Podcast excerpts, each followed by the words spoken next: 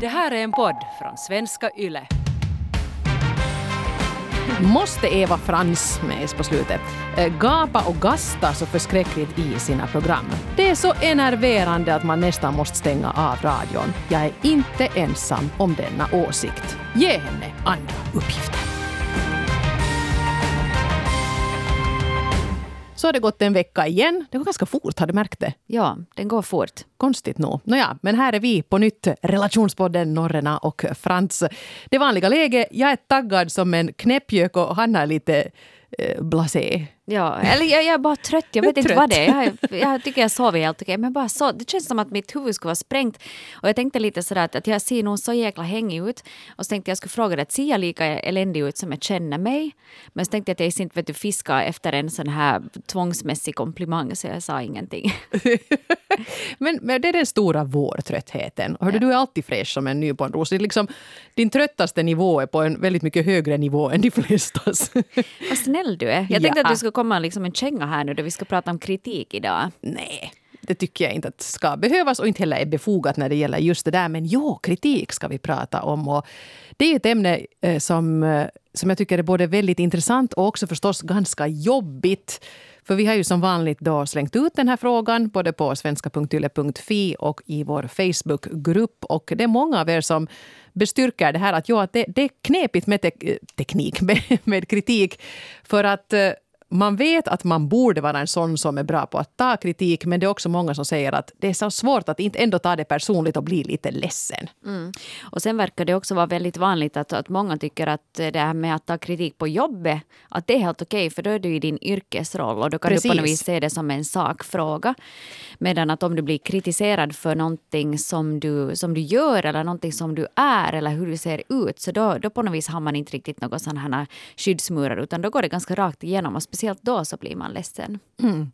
Och eh, du och jag, Hanna, vi, vi får ju rätt eller vi är ju ganska vana vid att få kritik, för det får man när man, man hörs och syns. Och jag har ju dessutom, dessutom eh, nyligen varit i den här lite jobbiga situationen att jag har gett ut en bok som har recenserats. Och Ja, Det är men- sen en helt, helt annan dimension av, av att få kritik.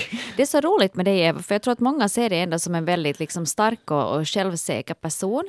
Men sen när man ser dig privat och, och det här recensionsdatumet börjar närma sig så blir du lite sådär vet du, ängslig och orolig och du vill inte läsa dina recensioner och att du, du nästan är liksom rädd för att läsa recensioner. Jag har förstått att du inte heller vill läsa dem alltid för att du, det, det känns ju som att någon kritiserar inte bara dig utan också din baby som är den här boken som du ändå har jobbat jättemycket med. Ja, det är så intressant det här för att när jag gav ut min första bok då för vad det, vad det nu blir, fem år sedan snart så, så då var jag hemskt kaxig för jag tänkte att, nej, att jag är ju liksom så van vid det här och jag har jobbat på radio jobbat på tv och jag är van vid att man får ganska liksom taskiga kommentarer ibland. Att det här kommer inte att vara något problem. Men det var en helt annan grej sen när ens bok skulle recenseras.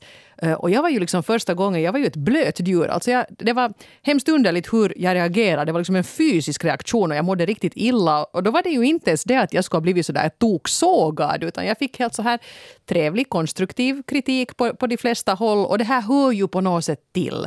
Skriver du en bok, syns du, hörs du så kommer folk att tycka till om dig. Ofta helt sakligt, ibland osakligt men, men det är någonting, ger man sig i leken så bör man den tåla. Eh, men jag tålde den inte alls och därför har jag ju nu då helt enkelt bestämt att recensioner behöver jag inte läsa då när de kommer. Jag res, läser dem alla sen lite senare när jag känner att nu är jag liksom beredd och nu kan jag ta in det.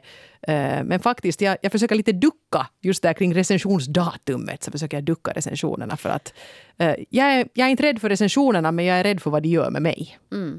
Och sen kanske det också är det just att för att du blir recenserad så blir det ju ö, offentligt. Någon har offentligt en åsikt om det. Att det är kanske Ja. är lite annat än att chefen kallar in dig på, på sitt rum och säger att hej den senaste tiden så har du varit lite slarvig här på jobbet. Ja. För då, då liksom märker ju inte alla det. Men att om det står då fast i någon av de stora tidningarna eller någon av de stora webbsidorna en en eh, recension där någon kanske kritiserar dig så då känns det som att du blir eh, kritiserad. Så om du skulle stå på en stor arena där uppe på scenen och sen står någon och säger vad de tyckte att var fel med det vad du har gjort Plus inför det- liksom tusentals människor. Plus att det är envägskommunikation. Jag har liksom inte, okej jag kan skriva en insändare och vara så att jag tycker faktiskt att du har fel men det, det gör man ju inte, det är ju riktigt patetiskt. Ja. Men i alla fall, man liksom i det offentliga stöts och blöts på ett ganska jobbigt sätt. Men jag tror faktiskt, jag tänkte att, jag skulle kunna läsa upp något sånt här citat från någon gammal recension som lite bet till extra. Okej. Om det är okej. Det, här, det här är Sommarön, då, min, min första bok som kom för många år sedan. Så den avslutades recensionen med Frågan är varför Frans inte körde fullt ut och skrev en skärgårdsfars om medelklass-skandinaver. Måste någon verkligen dö i mystiska omständigheter innan ett gift heteropar lyckas ha sex? Jag hoppas få svar på denna fråga i Frans nästa roman. Så där kom jag då och tänkte att okej, okay, nu ska jag skriva deckare och så får jag då liksom som sån här kritik att, att det var nu det roligaste det här, det var lite så här sängkammarfars på en ö. Ja, ja. så det, det, det, det sved nog lite. Men det Ja. sporrar mig också. Jag skrev en bok till och så skrev jag Finlands bästa deckare. Woo! ja. Så I was right all along. Ja, det är ju bra liksom då, då man, då du har, jag menar att du har en självförtroende att du inte liksom blir helt nedstämd och helt ned, totalt liksom mordfälld av kritiken utan man istället säger att nej men hej jag skriver igen Ja. och, och vet att folk, folk får tycka vad de tycker och sen lyckas man liksom ännu bättre nästa gång man testar. Men ibland så kan ju kritiken också få en att, att sluta försöka överhuvudtaget. Och är man kanske inne, just när vi pratar om böcker nu här ännu, man kanske är inne i en kreativ fas med nästa bok när recensionen kommer och då är det ganska illa om man helt kommer av sig och helt tappar modet. För då kanske man inte skriver någonting på ett tag. Så därför måste man också vara försiktig. Men lite samma också, Hanna, som, som står i, i, du som står i direktsändning nästan varje dag. Och ibland kan det ju komma in kommentarer medan man står där och ska vara glad och kontrollerad och ha god filis. Ja, no, det är ju det förstås att då, jag gör Vega dag liksom varje dag, förutom då vi gör podden på onsdagar, så, så vad heter det, så då är det ju två, under två och en halv timme så hinner du säga ganska mycket. Och i en direktsändning så är det ju klart att allting blir ju inte perfekt. Och ibland så gör man speciellt grammatikaliska fel som folk lätt hänger upp sig på, eller man märker att man har vissa maner som man upprepar och som jag själv också kan irritera mig på. Eh, Men ibland så brukar folk nog höra av sig också och kommentera. Och jag tycker att det är helt okej. Jag har ingenting emot att folk liksom kommenterar någonting. Ofta så finns det ju en poäng i det. Att hej, du säger alltid vet du eller liksom eller uh, ditt namn före du säger vad klockan är eller någonting annat sådär. Det är ju det är små detaljer men liksom ofta så ligger det ändå någonting i det. Och vi försöker, jag försöker ju så gott jag kan. Alltså varje dag så försöker jag ändå göra så bra jag kan. Det är ju inte att jag skulle prata slarvigt med flit. Men ibland så är man kanske trött eller du har en dålig dag eller sen kanske du börjar tvivla på dig själv. Någon kanske har skrivit någonting. Vet du att du, du låter alltid så här och så här. Och så börjar du betvivla dig själv. Och och då kanske du blir ännu sämre om du låter den där kritiken komma åt dig. Men jag måste säga faktiskt att då det kommer till jobbet så är jag är jag ganska, tycker jag att jag kan ta kritik väldigt bra. Att om någon lyssnare skriver in att du säger det här, oftast finns det ju faktiskt att det är helt sant. Och då kan jag ju liksom tänka på det, att okej det här ska jag försöka att inte göra framöver. Men äh, inte vet jag jag. Jag tycker inte att jag tar åt mig det så jättemycket. Och sen beror det också mycket på vem, det, vem eh, kritiken kommer ifrån. Jag kommer ihåg att jag fick en gång ett långt mejl där, där en person då kommenterade alla mina grammatikaliska fel. Och sen så var det undertecknat då med vår hälsning den och den. En och, särskrivning. en särskrivning. Och vår hälsning var särskrivet. Och då var jag så här att yes, no, men jag behöver inte ta det här så jätte, jättenoggrant. Att om inte du själv kan skriva med god svenska så, så Ja. varför ska du kritisera mig då? Men ska, jag- ska, jag faktiskt grävde fram ett av, av en läsarrespons som jag fått just i en sån här situation. Okej. När jag stod i, i direktsändning så var det Ulla som skrev till mig på det här sättet. Och jag måste nog säga att jag, jag kom lite av mig i min sändning för jag tyckte jag hade god filis. Fick men- du det mitt i sändningen? Ja, ja, det här kom in mitt i sändningen. Det är kul. Måste Eva Frans, med på slutet, eh, gapa och gasta så förskräckligt i sina program? Nu för skrivandet stund pågår Radiohuset som hon gastar i. Det är så enerverande att man nästan måste stänga av radion. Synd för era annars fina program. Jag är inte ensam om denna åsikt. Ge henne andra uppgifter. Oj då. Ja, det var ju det var ganska, Ja, ganska magstarkt. Ja, no, det, var nu, det var nu en sån här dag som andra. Man kanske hade tusen saker på gång och kanske jag, man är lite stressad så blir jag lite skrikig. Så att visst, hon hade säkert en poäng att jag ska kunna tagga ner lite grann. Eh, men man står nu där och ska hålla koll på tekniken och tusen inslag och tusen gäster och hitom och ditom. Och då kanske man blir lite upp i varv så kanske jag gastar lite grann. Eh, men jag måste säga att det här var ett brev som gjorde mig lite extra ledsen. För jag tycker att det här inte bara var, om det gäller grammatik och språkfel och sånt, då är det på något sätt mina handlingar eller mitt agerande som kritiseras. Och det kan man ändra på. Men det här att jag gastar och skriker och är gapig, det är på något sätt lite mer min person och min personlighet. Att jag är liksom upp i varv och jag är, jag är mycket. Och det är inte någonting jag kan ändra på i första hand. Det är liksom någonting jag kan dämpa enligt situation förstås står man ju inte lika glatt och hojtar om, om man berättar om att nu har vi fått in ett dödsbud. Men annars är det ju liksom sån jag är e i radio. Min radiopersona är gapig. Och då blev det, då liksom blev det en helt annorlunda käftsmäll det här. Mm. Men, men hur reagerar du på det då? Jag menar förstås blir man ju ledsen om du får läsa någonting sånt och du är i den där situationen och, och att sitta i en direktsändning mm. är inte helt lätt. Nej, vi kan ju intyga Vi det. har ju båda gjort det här i, i många herrans år så ja. det är inte helt lätt. Jag kan, jag kan men, berätta vad jag skrev åt mm. Ulla som svar men jag tänkte att jag skulle spara det som, som som slutkläm. Okej, okej. Okay, Så liten, har ni en liten morot där mot slutet. En liten cliffhanger där kanske. Och, och vad som hände sen. Okej. Okay. Ja. Mm. Ja, Men hej, nu babblar jag på här jättemycket och vi har fått in så mycket bra storyn som vi också måste hinna med. Ja, absolut. Uh, vi frågar er alltså att hur, hur bra är du på att ta kritik? Och kanske också ge kritik. Och vissa har ju pratat om kritik, vissa pratar om feedback. Är det, är det nu mm. egentligen någon skillnad? Jag tänker kanske feedback hör mera till jobbsammanhang där man har feedbackmöten. Ja. Kanske jag skulle ge dig, Eva, personlig feedback på att att ska du nu, borde Oskar ha lite mera kläder på sig. Då du har visst glömt deodoranten idag. Ja. Får jag ge dig lite feedback? Feedback, utan det är nog rent ut sagt kritik. Eh, men oberoende liksom om man använder kritik eller feedback-ordet så, så verkar det ändå ha en ganska stor mm. eh, stor betydelse för hur eh, ni, kära vänner, eh, upplever det och sen också hur det påverkar er och kanske har påverkat er under många, många år. Och signaturen Oedel 88 skulle vi kunna ta och inleda med eh, som berättar hur kritik i barndomen har påverkat även vuxenlivet. Jag är en man på 31 år som är oerhört känslig för personlig kritik. Och så här har det varit hela mitt liv. Jag kommer till och med ihåg olika situationer från dagis och lågstadiet då jag fått tillsägelser från personalen. Och det handlar ju alltid om småsaker men det sved i hela mitt väsen.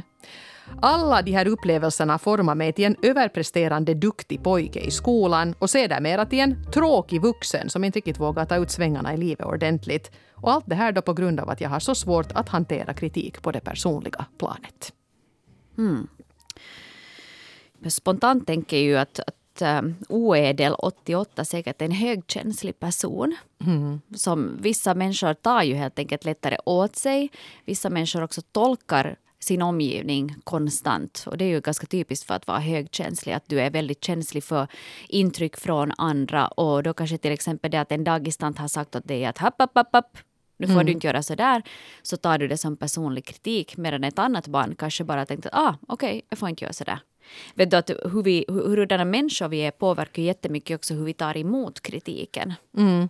Ja, det, där, det är en jobbig situation det här för att jag kan lite känna igen det där att man blir liksom så man, man, man inte riktigt vågar ta ut svängarna för att man tänker att sen gör jag säkert något tokigt och, och så kommer de att säga till åt mig och så kommer det inte ändå vara något kiva så det är kanske bäst att jag inte gör det här alls utan att jag stannar hemma. Mm. Men jag försökte faktiskt lite läsa på om det här med kritik för att vi förhåller ju oss olika till det här att en del kan ganska bra ta det med en klackspark och en del är sådana som du Hanna som åtminstone på ett professionellt plan har liksom blivit så van vid konstant kritik och, och liksom kommentarer. Att du liksom vet hur du ska hantera det. Och en del är då, som Oedel 88, blir ledsna hur man än gör.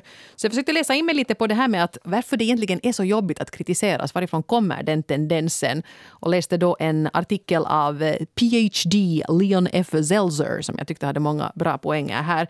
Men han förklarar bland annat det här då att kritikrädslan går väldigt djupt. Det går tillbaka till det att du har varit en liten unge som inte vill bli övergiven av flocken för att du är fel på något sätt. Så det är liksom djupgående psykologiska spår. Eh, och det betyder att någonting, till och med någonting ganska litet och i grunden välment kan kännas som en attack mot ditt ego. Och då går du liksom i, i försvar eller blir ledsen eller blir stött fast det kanske inte egentligen var så farligt. Och så är det det här med att, att vara osäker på hur man uppfattas. Eh, man kan känna sig hotad till och med med pyttesmå antydningar om man inte riktigt är säker på sig själv.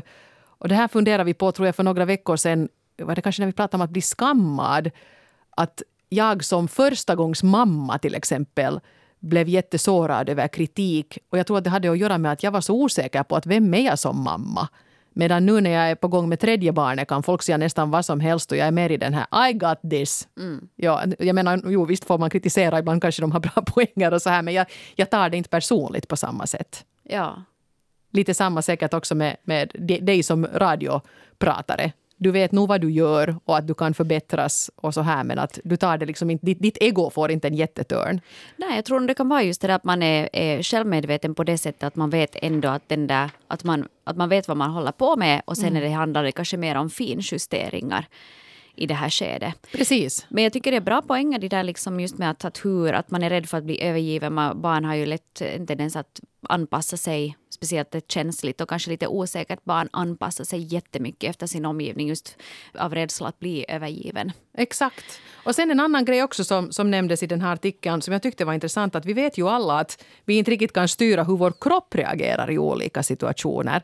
Så om vi, vår kropp utsätts för fysiskt hot så kanske muskler spänns, man gör sig redo för flykt, man kanske börjar svettas eller kallsvettas eller man får gåshud eller börjar andas snabbare. Liksom kroppen reagerar utan att vi kan påverka det. Och exakt samma gör psyke. Och det betyder att vi ibland kanske börjar storgråta eller börjar skaka. Jag är en sån här skakare. Fast mm. jag inte fryser så blir jag på något sätt är jag sådär under tryck på något sätt. Försökte undvika att säga under pressure, det blir inte alls bra. Bättre att köra svengelska bara. så börjar jag darra jättemycket på ett mm. störigt sätt. Men detsamma gäller då liksom hjärnan, att vi kan inte alltid riktigt det är inte så där bara att vara den här ädla människan som säger tack för din kritik, den ska jag begrunda. Nej. Och sen är det ju det att kritik är ju inte alltid kanske så jättevälformulerad heller. Eller Exakt. så konstruktiv att ibland kanske det bara känns som att det är en, hel, en skithög som någon, som någon dumpar på en. Men jag måste bara säga ännu om det här Oedel 88 som säger att, uh, skriver att jag är nu en man på 31 år och, och som på något vis tycker ändå att du har kommit ganska långt för att om du vid en sån ålder redan är ganska medveten om de här sakerna. Du vet att det har påverkat dig, att du har blivit kritiserad mm. i din barndom och du vet att du lättar åt dig. Så då är du, ju, du har ju kommit långt redan med det, att du är väldigt självmedveten och du kan liksom titta på dig själv och ditt beteende utifrån. Så nu kanske det gäller i det här skedet då, då du tittar framåt att försöka eh, kanske vara lite extra uppmärksam på det där och, och kanske också analysera din egen reaktion. För jag tror nog att man kan också träna sig i det där. Att fast du, du som ett barn så har du du är helt försvarslös egentligen inför all kritik och åthutningar som kommer åt dig. Men nu som en vuxen man så må, kanske du kan börja titta på saker och ting. Att säga någonting eh, kritiskt mot dig så att, kan du fundera att finns det någon poäng i det här eller finns det kanske inte och försöka förhålla dig till det lite mer neutralt. Så undrar jag också lite, mm, eh, nu vet jag inte om det här har att göra med män och kvinnor och så här, men att, att jag har ju kanske lite känt samma saker som, som Oedel, som då är en man. Men jag har hela mitt liv sett till att omge mig med sådana här jätte peppiga, eller inte hela mitt liv, men jag har hittat, åtminstone de senaste 10-20 åren, har jag hittat ett, ett gäng med sådana väldigt peppande kompisar som jag vet att om jag tappar modet och behöver liksom lite applåder och lite “men du är ju så bra” så kan jag höra av mig till dem. Och jag gör detsamma för dem när någon av dem trillar ner i en, en svacka. Mm. Och jag tror att det är något som man kanske lite kan behöva också en sån situation när man tycker att nu har jag gjort bort mig. Att man får ventilera det med dem och de säger att men det där var ingenting. Att hör du, fundera inte på det där. Och jag undrar om Oedel 88 skulle behöva en sån här funktion i sitt liv.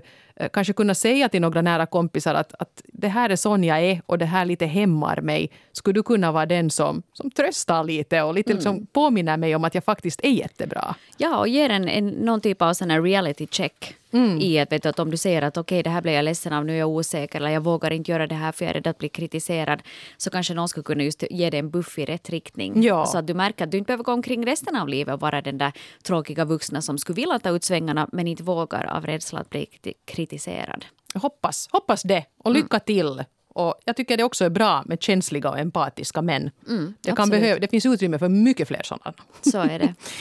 Du Eva, du var inne lite på det här med att kroppen reagerar eh, fysiskt Just på det. kritik. Och, och det är flera av er som har skrivit in om eh, en reaktion som jag tror att vi alla upplever som väldigt jobbig och kanske också lite pinsam, speciellt på jobbet, då man inte kan eh, bromsa tårarna då man blir kritiserad. Och till exempel Tanja, 31, skriver om det här. Jag och mina systrar är likadana. Av kritik så börjar vi gråta. Spelar egentligen ingen roll vad det handlar om, men om det känns som att man blir trängd mot väggen så då kommer tårarna. Och det bör tilläggas att vi alla tre är så kallade ugly criers. Mest irriterande är det här i arbetssammanhang där man vill se professionell ut och så känner man det bränna bakom ögonlocken. Vill gärna lära mig lite mera om hur man skulle kunna kontrollera sin gråtfunktion. Mm, skrev Tanja, 31. Ja, det önskar jag också få svaret på för att jag har, jag har lite, lite samma grej. Just det där börja skaka och sen lite beroende på hur man mår annars. Har man grym PMS så kan man märka att men gud, nu börjar jag ju gråta här på jobbmötet. Att inte var det nu så här farligt. Ja. Att vad ska de tro om mig nu när jag sitter här och brölar? Att, att jag är inte så känslig nu som jag verkar. Ja. No, för det första så skulle jag vilja säga att det här med att, att gråta eller att man får tårar i ögonen, det är ju en mänsklig reaktion. Jag tycker inte att man, man ska behöva skämmas för det. Nej, men det är ju just det här som hon också skriver. Att skulle man, skulle man liksom ha sån en stumfilmsgråt, att det rinner en sakta tår ner för ens kind och det ser ganska snyggt ut och man Ja. kan snörpa på sina välmålade läppar och det är det. Skulle det inte vara så farligt. Ja. Ja. ja, du kan inte prata, du tappar liksom kontrollen över rösten också. Så då är det ju inte så där. Inte heller på ett distansmöte är det kiva. Men där kan du stänga av kameran. Oj, nu bryts det här. Oj, sorry. Ja. Vad kan man egentligen göra då för att eh, hindra den där gråtfunktionen på jobbet? Nå, jag har ibland testat det som fungerar lite grann. Att man helt enkelt lägger tankarna på paus. Om man, är så där, man kanske kan säga att okej, tack för att du säger det här. Jag, jag ska absolut fundera på saken. Och så försöker man sitta och benhårt tänka på något annat, tänka på något annat, tänka på något annat. Och om man ännu känner att gråten är på väg så kanske man måste faktiskt gömma sig på tuppen sen en stund och gråta lite om det är så att det måste få komma ut. Eh, men i alla fall, nu har jag ju märkt ganska ofta på folk här, också ganska tuffa, hårdkokta människor, att, att på ett möte när någon har framfört någon kritik så blir den här personen väldigt tyst. Kanske inte börjar liksom gråta, men att man på något sätt blev sittande där nu med den där smockan. Som kanske nu inte ens var så, så liksom kritisk, men att just i den här stunden blev man ledsen. Och det är Ja. nog svårt. Eh, men att på något sätt fullt fokus på något helt annat så att tårarna sätts på paus. Och kanske försöka liksom träna sig själv i att bli lite mer rationell. Att man, eh, vet du, du, känner att eh, no, din chef säger till dig att hej, att kan du komma hit lite? Och så vet du att okej, genast då är du i försvarsposition för du vet att nu kommer det något skit. Så redan då liksom försöka att, att vet du, tänka att okej, den här personen vill tala med mig och vi ska tala om det här senaste projektet och jag, jag vet att jag hade missat att göra den där ena grejen. Det kommer antagligen någonting för det. Att försöka se på det som en sakfråga. Ja. Och att inte att hela du blir inte kritiserad som person utan din chef då vill kanske då säga att okej det här misslyckades du med för att du glömde helt enkelt bort att göra det här. Vilket är helt saklig kritik. Det får en chef säga Ja. till en anställd. Men där kanske på något vis att försöka komma ihåg att det här är en sakfråga. Att det är inte hela du som person som nu är skit. Exakt. Ja, påminna sig om det. Ja. Och det är ofta kanske den där situationen som blir obehagligare än, än själva kritiken. Att om det sägs på ett möte och man inte vill börja snörvla där. Men alltså på riktigt, har ni tips på den här punkten, ni som lyssnar? Har, har ni varit sådana arbetsplatsgråtare och kommit på hur ni ska dämpa det? Hör av er till exempel på Facebookgruppen Relationspodden Norrena och Frans för att här är goda råd dyra. Ja. Och, jag, och jag vill bara säga det att ännu med det här att om det kommer lite tårar på jobbet, jag tycker inte att det är hela världen. Då jag var, då jag var yngre så tyckte jag att det var helt superjobbigt att gråta inför någon annan. Men nu tycker jag, i äldre dagar så tycker jag inte att det är så jobbigt. Är jag ledsen så då kanske det kommer en tår eller man kanske Ja. inte vill stå och fullgråta på jobbet. Men ibland så har det hänt vet du, att man börjar gråta på jobbet eller att jag har haft kollegor som har börjat gråta på jobbet. Jo, inte, Och- och, och- inte ser man på något sätt snett på dem för Nej, det. man bara okej nu är den här personen väldigt ledsen och försöker Ja. vi liksom styra upp det här på något vis.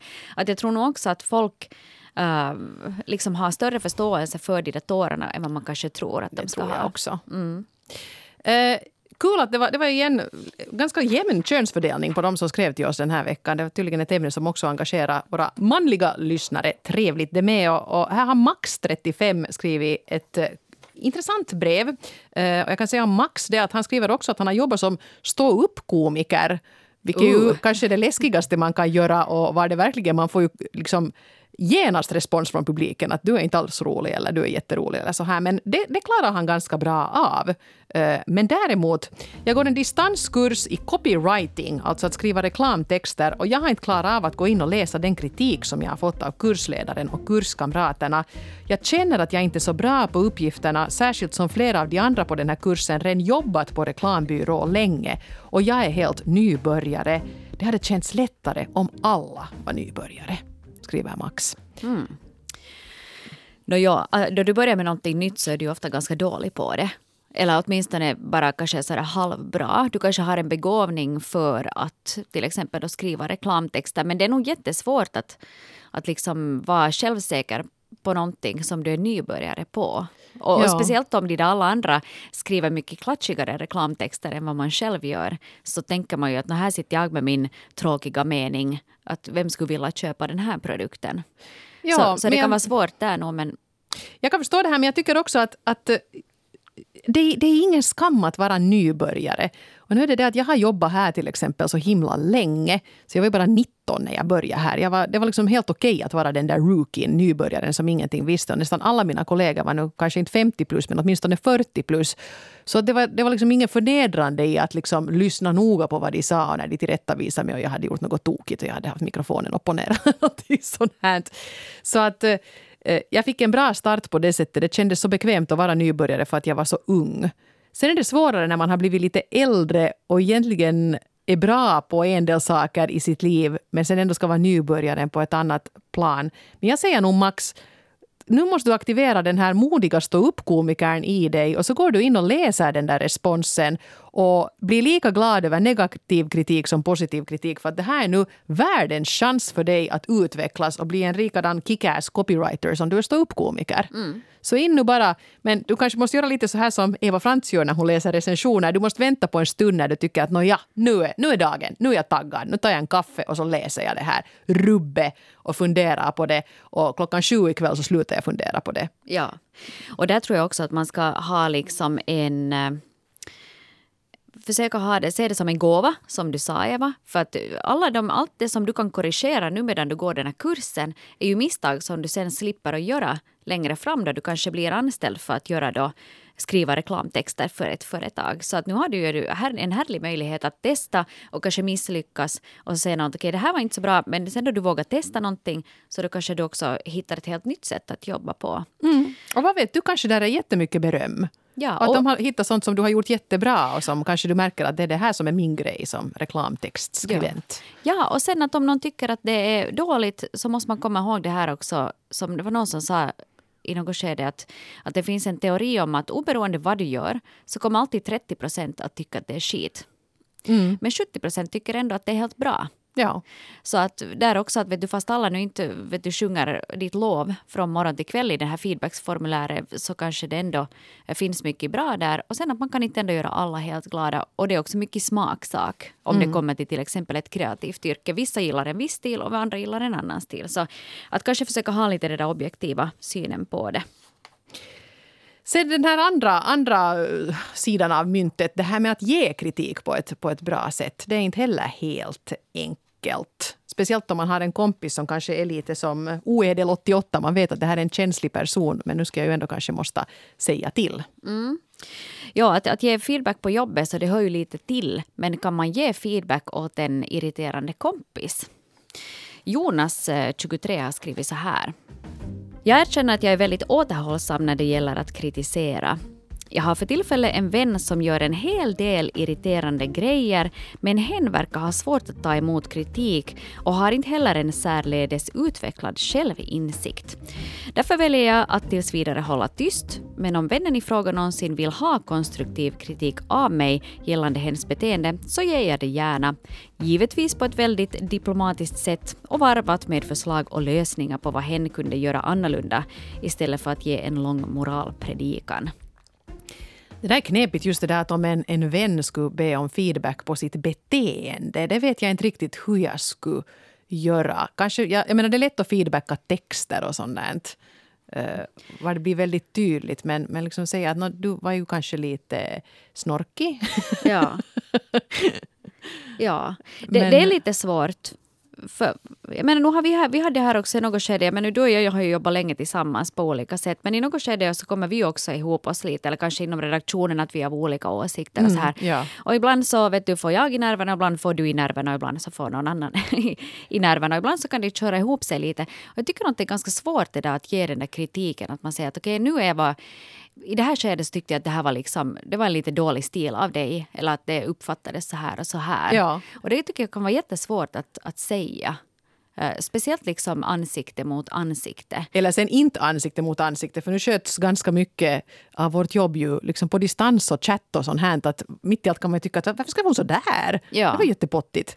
Ja. Och sen ser man att okej, okay, det var inte alls menat så. Ja, och sen Ja. liksom alla de här chattarna som nu förs på, på dist, under distanstider Ja. så är ju förstås en... en Jätteförvirrat. Alltså det är ju en helt grogrund för att för missförstånd ska Ja. uppstå. För att vissa skriver ju på ett kul sätt och säger att Nå, men hur går det där och hej och ha det bra och kram och hit och dit. Och vissa skriver OK, ingen Ja. punkt. Och så tänkte man varför är du så jäkla sur då? Ja, Att det är så mycket liten liten tolkningsfrågor. emoji här. Ja, att det är så mycket tolkningsfrågor där.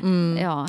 Men, att- nu är det ju klart, mm, det, alltså, men det är svårt det här för att jag har också en del bekanta som är väldigt känsliga och liksom kan be, men faktiskt vill. Jag, då rusar jag ju inte fram och vill liksom feedbacka dem, men de kanske ber om feedback. Och det är nog bara att linda in med jättemycket bomull och se till att för varje grej som du verkligen vill påtala att det där är lite tokigt så borde du hitta typ fem att det där var så bra och det där var så bra och det där skulle du kunna göra på ett annat sätt men det där var bra. Att man på något sätt liksom ändå bakar in det i väldigt mycket kärlek. Det är sant det där. Och, och det var också, tycker jag, någon här som skrev om det här också att, eh, att man lär sig bättre av bra kritik, Beröm. beröm. Eh, lite som med barn också. Att man ska ignorera dåligt beteende och så ska man berömma då de gör någonting bra. Att det här är ett mer konstruktivt sätt att få folk att ändra sitt beteende på. Så kanske det kan vara just att du inte behöver ta upp då med den här kompisen alla de här irriterande grejerna som hen gör. Men fast att om vi säger att ni har varit någonstans och eh, hen har då betett sig på ett ruttet sätt mot... Men då eh, måste man få säga, fast de- den är ja. känslig så är det ju liksom också att skydda den där kompisen och den har uppfattats som, som rutten. Ja. Så måste man ju kunna säga att kanske du nästa gång skulle kunna lite Ja, att det var liksom att du, du var verkligen snorkig mot den Ja. där servitrisen. Eller, Ja. eller här då min, min arbetskollega kom upp till oss så, så tittade du inte ens på den. Att det, det är Ja. liksom dåligt beteende eller något annat. Så, här. Så jag tycker nog, och kanske det där också att man skulle ha lite lägre tröskel för att sätta in en liten kommentar här och där. Att har du till exempel en kompis eller en släkting eller en familjemedlem som, som gör upprepade gånger någonting så kanske du kan säga det där och då. Att det behöver inte bli liksom det där halvtimmes predikan sen. Att sen gör du Ja. det och sen i sådana här situationer så gör du det där och då du gör det där så får jag helt i nerverna. Att man kanske kan ta att Vet du att då, skulle du, varför kan du inte tvätta eh, händerna före du äter? Eller ta Ja. i brödet innan du Ja. skär upp det? Ja. Ja, så är ja, en annan dum detalj, att man kanske kan feedbacka det en konkret grej där och då. Jag känner att jag skulle bli gladare om du skulle tvätta händerna före du vidrör min smörkniv. Ja, eller sen att oj vad du har rena händer idag, att det- de känns så härliga att ta i. Ja. jag vet inte. Men Dumma tänkte jag- exempel, men, men liksom som idé. Jag, jag försökte samla ihop här också från nätet några sådana fem poänger på hur man ska bli bättre på att ta kritik. Jag tänkte Okej. att det kanske är någon annan som kunna behöva det här. De här kommer från lite olika ställen men mest från en sån här som heter Leo Babauta som är någon sorts zen-coach. Eh, Men hade bra poänger på det här. Och punkt ett eh, var vi lite inne på. Bromsa din spontana reaktion för den är ofta fel. Om du blir stött eller arg eller någonting sånt så, så det här det kanske inte alls är det som, som är den rätta reaktionen fast det är den första. Till exempel får du ett jättekritiskt mejl, knattra inte genast ett bitchigt svar tillbaka utan låt det gå en stund. Gå på lunch, gå på tobak, eh, prata med en kollega och sen funderar du på att hur ska jag besvara det här. Tycker jag är ett bra råd. Tacka för kritiken också om den har varit pissig. Och så ska man kanske komma ihåg att den som kritiserar kanske också hade en usel dag. Och att det därför blev lite på något sätt tarvligt uttryckt det hela fast det inte var så illa ment. På något sätt försöka komma ihåg det. Och sen, det här tror jag du är bra på Hanna, det här försök vända det negativa till något positivt. Eh, Så att om någon säger att måste du alltid säga det där samma ordet i podden så kan vi vända till att åh, det här är vår utmaning nu här för resten av våren att hitta möjligast många synonymer och använda dem Mm. Och ett det är ju bra att hen ändå lyssnar på podden. Ja, precis. Ja. ja, men vad kul att du lyssnade. Tack för kritiken. Sen också det här med att fundera på motivet bakom kritiken. För ibland kan man ju kanske få kritik bara för att någon vill vara elak. Och då gör man nog bäst i att inte ta den allt för hårt, den kritiken. Eh, så de som man har velat såra en ska man skita i. Om den uttryckte sig klumpigt med mena väl så kan man ju försöka fundera på att no, att okej, okay, tack, tack, att det är nu så här. Men sen kan det ju också till exempel på en arbetsplats vara fråga om ren och skär mobbning om du kritiseras av allt och alla. Och då kanske du måste fundera på att hur tar jag det här nu vidare? Komma ur det här för att det här är inte okej. Okay. Ja, då är det säkert bra att tala med din förman eller, mm. eller någon annan. Om det är förmannen som är mobbaren och den är väldigt kritiska så kanske du måste tala med någon annan på ja. arbetsplatsen. Att man ska inte själv behöva handskas med en sån situation. Precis, men att mm. faktiskt riktigt extensiv kritik som går över det rimliga så kan vara mobbning. Och sen det här är kanske punkt fem, min favoritgrej. Var en bättre person. Eh, ta bara kritik gällande såna handlingar som Eh, gällde dina handlingar och inte hurdan du är som person. För att det ska du inte behöva. Eh, och så ska du inte attackera den som har attackerat dig, fast det är lite lockande. Och du kommer att bli beundrad, speciellt om det här har varit en offentlig kritik, om du ändå har hållit dig lugn. Till exempel på Instagram eller i ett blogginlägg om du har fått kommentarer. Om du har hållit dig lugn och inte sjunkit ner till den här andras nivån. Och dessutom som extra bonus så kommer du att känna dig väldigt nöjd med dig själv efteråt. För att du inte liksom brusar upp och, och var osaklig utan att du var sansad och lugn. Be a better person. Vilket för mig in på mitt svar till Ulla. Ja. Hinner vi med det ännu? Ja. ja, ja. No, när Ulla skrev sitt ganska kritiska brev till mig då, så, så måste jag ändå säga creds åt Ulla för hon hade uppgett sin e-postadress. Så jag skrev ett svar till henne. Och så här skrev jag då. Hej Ulla. Nåddes av din respons beträffande mitt programledarskap i Radio Vega. Att jag gapar, som du skrev, och förstör de i övrigt trevliga program som jag medverkar i. Oj, så ledsen jag blev. Jag har inte varit medveten om att jag är så här impopulär. Tack för att du uppmärksammade detta. Jag kommer att få andra arbetsuppgifter från och med nästa vecka och inte höras i programmet längre. Med vänlig önskan om en trevlig vår. Eva nu kanske här bör tilläggas att det den här veckan var helt klart att jag skulle sluta på Radiohuset. Det var alltså mitt eget men hon trodde, hon trodde att hon hade fått det att sluta. Beslut, ja. så att jag skulle faktiskt, det var en av mina sista sändningar. Men jag tänkte att det behöver hon ju inte Så det här skrev jag och nu faktiskt heder åt Ulla. Efter det här fick jag ännu ett svar av henne. Eh, det var inte meningen att du skulle ta illa upp och så bad hon om ursäkt. Som Ulla ännu är igång. Jag Ulla i riskgrupp just nu. Hang in there. Vi hörs och eh, det var fint att du bad om ursäkt.